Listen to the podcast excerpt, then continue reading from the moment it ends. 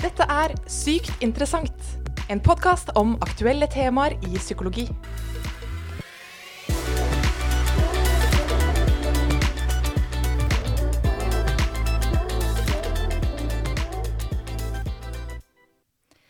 Har du noen gang tenkt over, eller kanskje følt på, at gutter oftere får skryt eller creds av å være seksuelt aktive, mens for jenter så er det nesten helt motsatt? Ja, dette har jeg faktisk eh, kjent litt på. At, eh, ja, at livet er litt urettferdig noen ganger, rett og slett. Men dette er jo i grunnen veldig pussig. For hvis vi tenker over det, så, så må jo i hvert fall for heterofile gutter, da, de må jo ha en jente de kan være seksuelt aktive sammen med. Så denne kabalen går jo ikke helt opp, hvis det da er sånn at gutter kan være så seksuelt aktive de bare vil. Mens ja, det kanskje nesten er motsatt for jenter. Ja, nei, denne kabalen her, den går ikke helt uh, opp, rett og slett. Nei, og det er jo nettopp uh, temaet for dagens episode. At det rett og slett eksisterer en heteroseksuell dobbeltstandard i dagens samfunn der menn har større seksuell frihet enn det kvinner har. Og denne dobbeltstandarden gjelder da for heterofile, og ikke for andre seksuelle legninger. Mm, nettopp, og det må vi jo bare påpeke da før vi starter episoden. At vi kommer til å snakke om tendenser man ser på som gruppenivå i samfunnet, men at det selvfølgelig vil være individuelle variasjoner. Mm. Så takk for at du tok, uh, tok, deg tid nok en gang til å dele din uh, kunnskap her, Anni Annie Wold.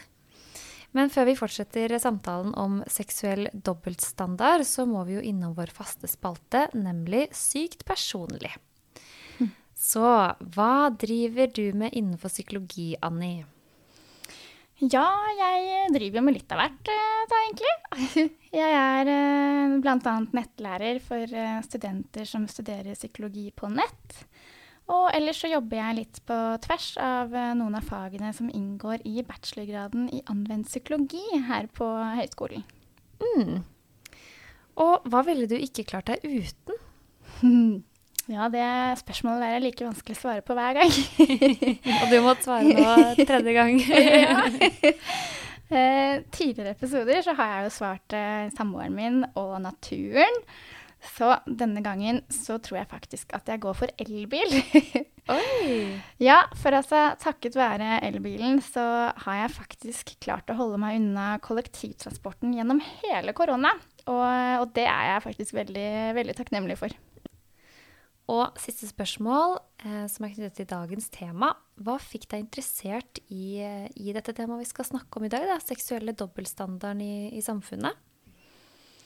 Ja, Altså, jeg har vel gjennom eh, livet og gjennom studieløpet mitt for så vidt blitt eh, mer klar over at vi ja, rett og slett tenderer å snakke om menn og kvinner på ulike måter, da. For eksempel så har vi jo uttrykk som uh, 'mann deg opp' og 'er vi alle mann'? Disse uttrykkene er jo ganske så integrert i språket vårt. Og vi bruker ofte typiske mannlige egenskaper for å beskrive noe positivt som f.eks. at noen er sterk, mens det motsatte ofte egentlig er tilfellet for kvinner.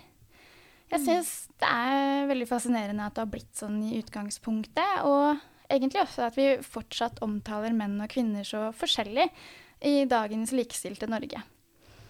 Og interessen for uh, seksualitet, uh, det tror jeg nok startet da vi hadde seksuell helse på masteren, Mette. Mm, ja, vi tok jo et emne i det. Mm. Så, så, bra. Da har vi blitt litt mer kjent med deg, og da setter vi i gang med dagens episode.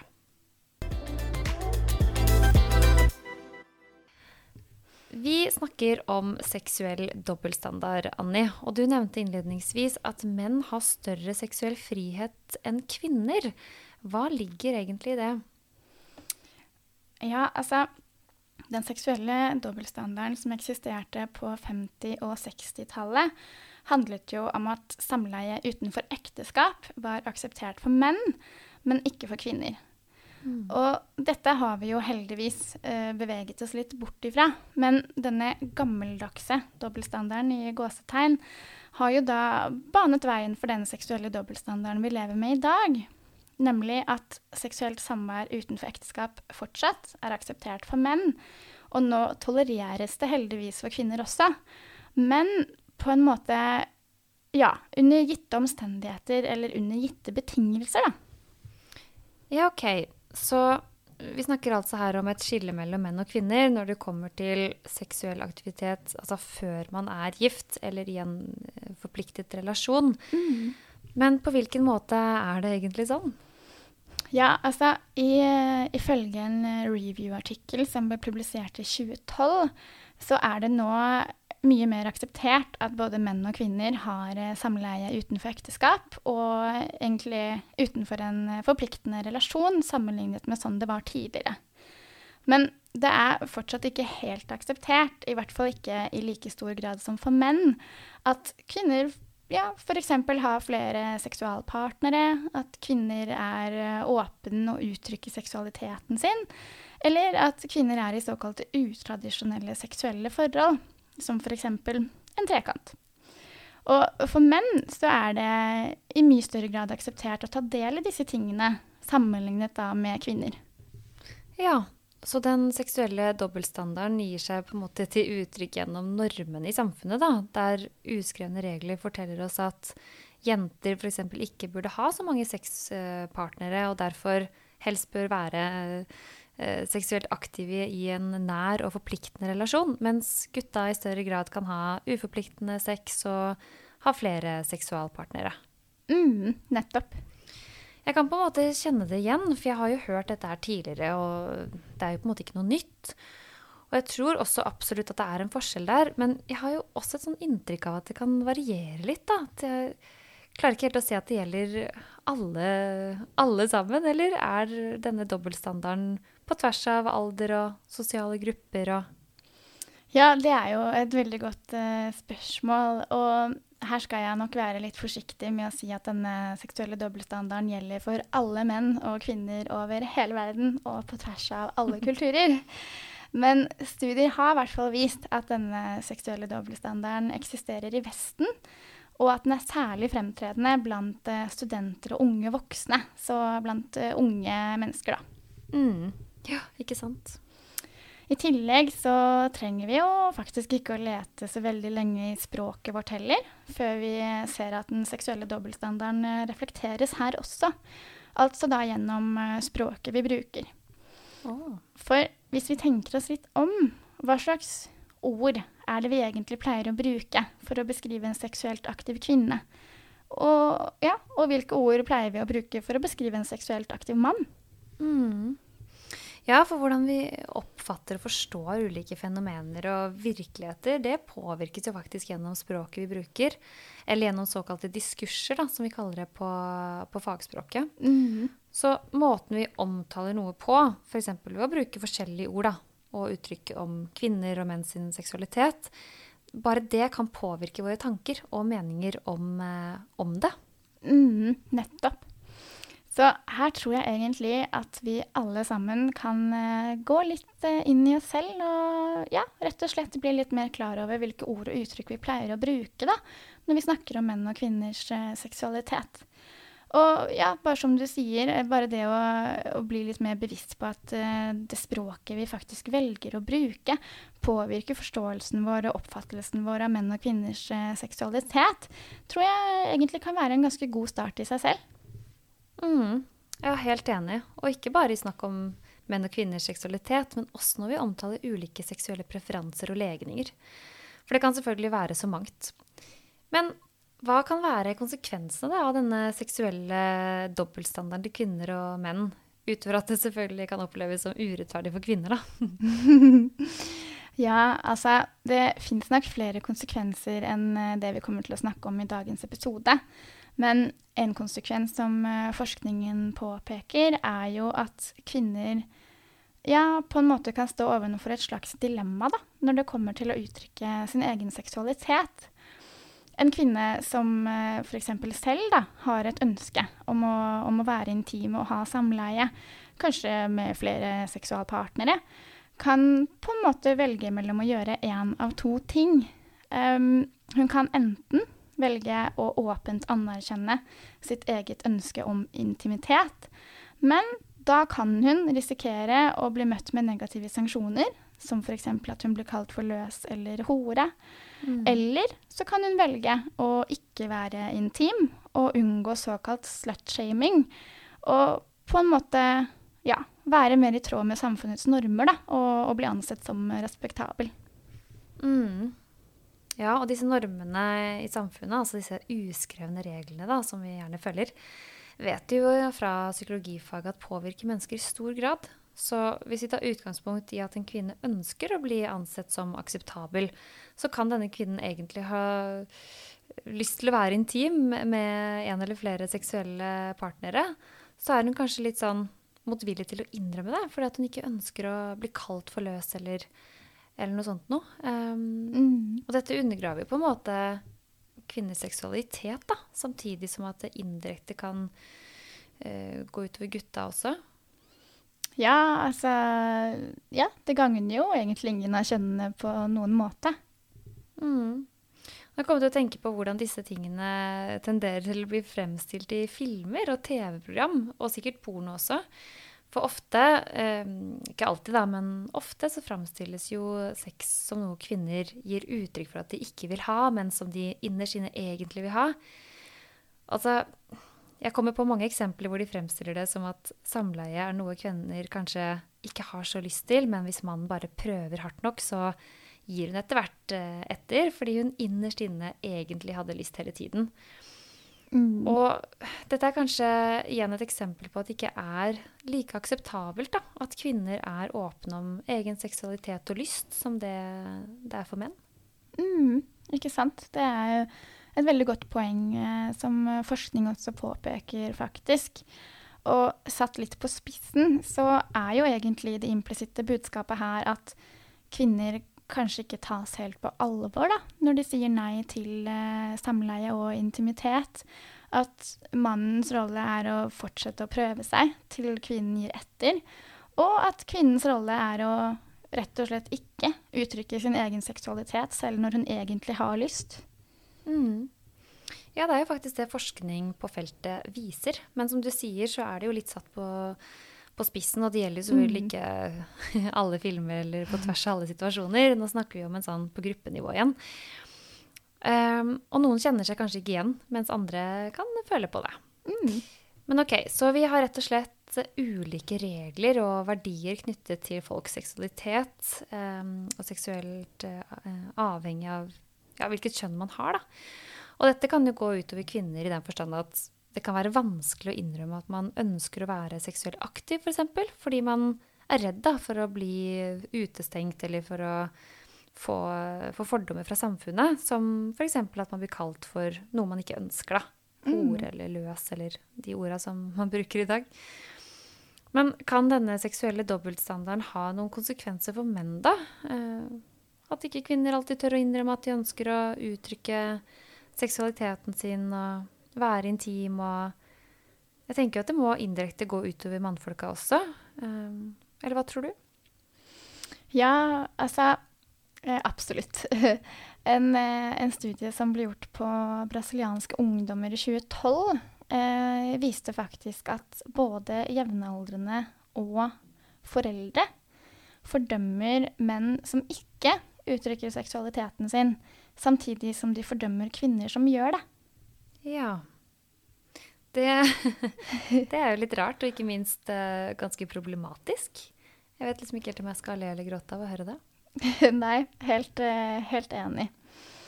Og at menn blir fordømt eller på en måte får uh, sanksjoner fra samfunnet hvis ikke de uttrykker seksualiteten sin på riktig måte, i gåsetegn, ser vi jo faktisk også blant unge gutter når det kommer til sexting. Ja. For mens jenter gjerne opplever et press om å sende nakenbilder eller nudes av seg selv til gutta, så opplever gutta gjerne et press fra andre gutter om å videresende disse lettkledde bildene de får fra jentene, til andre gutter igjen.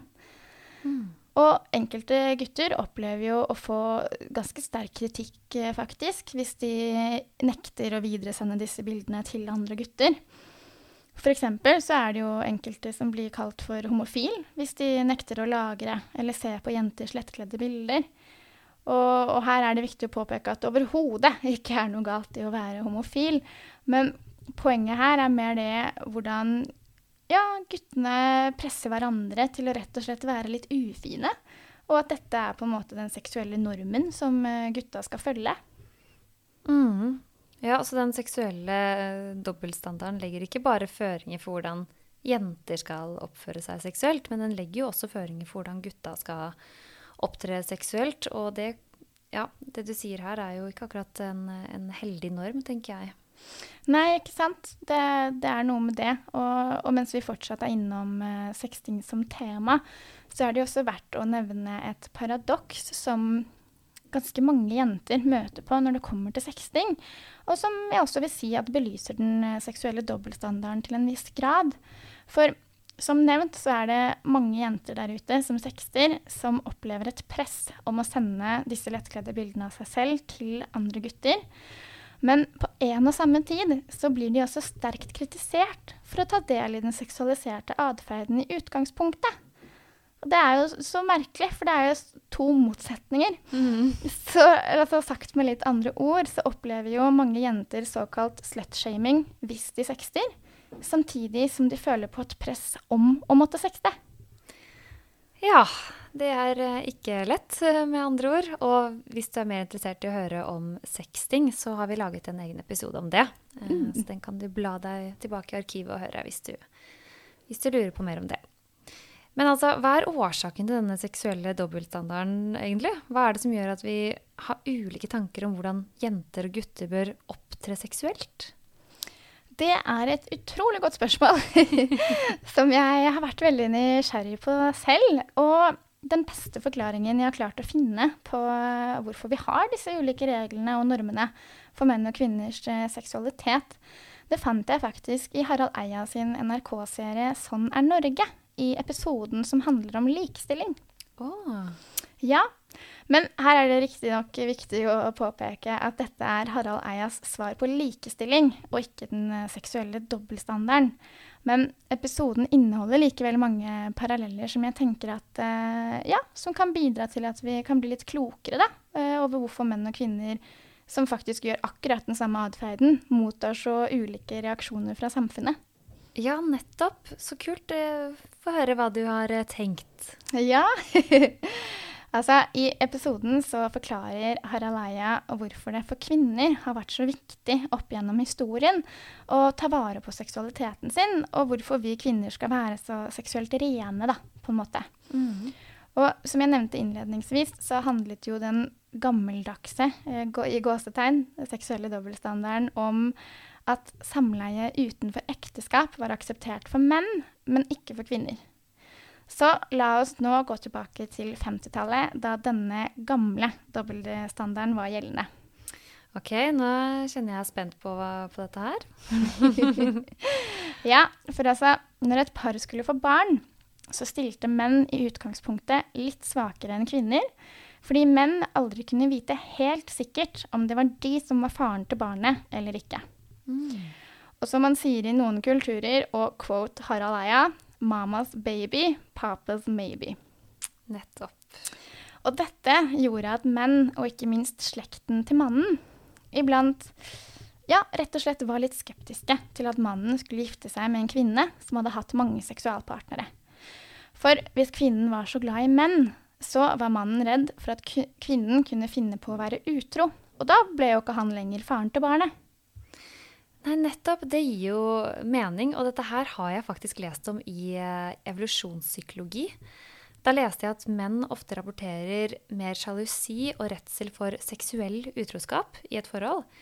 Nettopp fordi de da risikerer at de oppdrar et barn som ikke er deres. Ja. Så de blir jo da mer redd for at uh, dama skal, uh, skal være seksuelt aktiv, da, fordi da er det ikke sikkert at barnet er eh, deres, som du eh, sier. Så det her kan jo faktisk stamme fra langt tilbake i tid. Eh, ha røtter på en måte i, i litt sånn gammel evolusjon, da, hvis man kan si det. Ja, ikke sant? Mm. Og slik det var i gamle dager, så hadde jo på en måte mannen mest makt i gåsetegn i, i forholdet mellom mannen og kvinnen. For det var jo sånn at det var han som forsørget hele familien og tjente alle pengene mens kvinnen var hjemme og passet barn og vasket hus. Så hvis det oppsto en konflikt og et par ønsket å skille seg, så gikk jo dette i aller høyeste grad utover kvinnen. Hun ville jo da stå igjen med null arbeidserfaring, ingen inntekt, ikke noe hus og barn hun skulle brødfø. Mens mannen derimot, han hadde jo inntekt og et hus å bo i.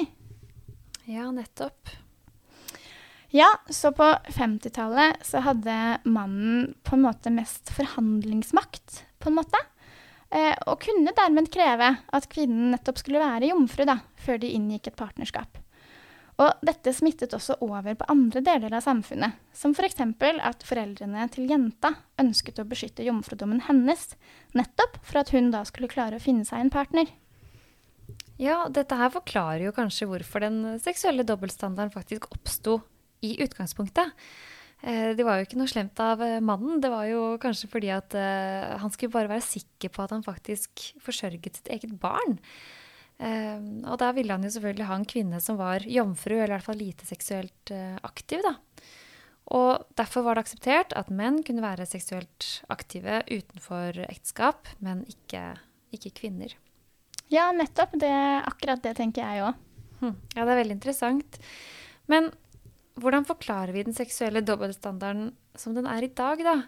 Hvorfor beveger vi oss ikke vekk fra at kvinner ikke skal være seksuelt aktive utenfor ekteskap, til at kvinner nå eh, kan være det, men at kvinner ikke bør ha flere seksualpartnere, og helst eh, burde være seksuelt aktive innen en nær og forpliktende relasjon? For det, det henger jo igjen, eh, som forskningen viser. Ja, ikke sant. Og her vet ikke jeg om, eh, om Harald Eia sitter med alle svarene, altså. Men i dagens samfunn, i hvert fall slik det er i Norge, så har jo ikke lenger mannen den store makten i forholdet lenger. Nå tar jo kvinner utdanning, de jobber og tjener sine egne penger. Og dette har jo også gjort at menn i mye større grad enn tidligere bidrar med husvask og matlaging og, og lignende ting som tidligere var forbeholdt kvinnen. Så mannen kan faktisk ikke lenger bruke den unnskyldningen om at 'men jeg er sliten etter jobb, kan ikke du ta oppvasken?' For nå er jo også kvinner slitne etter jobb, og de er økonomisk selvstendige. Og, og, kan derfor lettere bryte ut av et partnerskap sammenlignet med tidligere, da.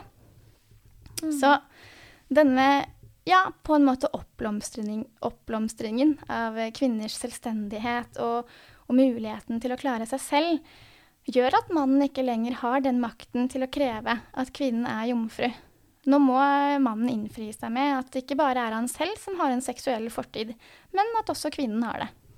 Ja, nettopp. Og så kan det jo kanskje virke som at den tankegangen om at kvinner fortsatt stiller sterkere enn menn når det kommer til det å få barn, fordi det er som sagt mannen ikke vet helt sikkert om det faktisk er han som er faren til barnet eller, eller, ikke, henger litt igjen i dagens samfunn. Fordi nå kan man jo faktisk, i hvert fall ifølge Google, ta en uh, farskapstest allerede i uke ni for å fastslå hvem som er faren til barnet. Men dette kan jo kanskje skape litt dårlig stemning, hvis, uh, hvis det ikke er noe veldig spesielt som tilsier at kvinnen har vært utro, da. Ja, det er kanskje ikke det mest romantiske forslaget jeg har hørt, men det sier altså at samfunnets normer fortsatt tilsier at kvinnen ikke bør ha flere seksualpartnere, og derfor burde være ja, bare seksuelt aktive innen nære og forpliktende relasjoner. Det, det henger rett og slett litt igjen. Um, for det å be om farskapstest helt ut av det blå er kanskje ikke det beste for forholdet, kan jeg se for meg. Det er sånn ja, nå venter vi barn, og vi må bare sjekke at det er ditt først. Nei, jeg tror nok ikke det skaper den beste stemningen. Men Igjen så ønsker jeg å understreke at disse, disse, tingene er jo Harald Eias svar på likestilling, og ikke den seksuelle dobbeltstandarden. Men jeg syns likevel at uh, dette gir veldig mye mening, og at uh, ja, det kan bidra til en økt forståelse over hvorfor menn og kvinner dømmes så forskjellig da, når det kommer til uh, seksualitet, og ja, når menn og kvinner faktisk gjør akkurat den samme atferden. Mm, ja, helt enig. Det det er i hvert fall veldig morsomt å spekulere i, i den forklaringen og bruke Haraleia sitt um, utgangspunkt. da. Mm. Men ok, som vi eh, snakket om tidligere i episoden, så um, kan vi faktisk alle sammen bidra til å bekjempe da, denne seksuelle dobbeltstandarden litt, ved at vi blir litt mer klar over hvordan vi ja, rett og slett snakker om menn og kvinners seksualitet. Hvilke ord velger vi å bruke for å beskrive dette? For det vil bidra til å forme vår forståelse og oppfattelse av menn og kvinner. Og de av oss som kategoriserer seg som noe helt annet, selvfølgelig. Som, eh, som vi nevnte innledningsvis. Mm. Så avslutningsvis kan vi jo oppfordre lytterne våre til å bli litt mer bevisst da, på at språket vi velger å bruke, faktisk påvirker forståelsen vår og oppfattelsen vår av, eh, av menn og kvinner eh, sin seksualitet. Og som jeg nevnte innledningsvis, så har vi jo nå hatt veldig fokus på kategoriene menn og kvinner og heterofilt eh, eh, forhold. Eh, og vi vet jo veldig godt at det også er andre typer forhold og, og um, seksualitet. Men eh, det var dette vi tok for oss i denne episoden, da. Mm. Det tenker jeg er viktige ord eh, avslutningsvis. Så tusen takk for meg, og takk for at jeg fikk lov til å bli med på enda en episode, Mette. Det var veldig veldig hyggelig å ha deg med, Anni. Så takk for at du hørte på episoden sammen med meg, Mette Espe Myrmæl, og deg, Anni Wold. Du har nettopp hørt en episode av Sykt interessant. En podkast om aktuelle temaer i psykologi.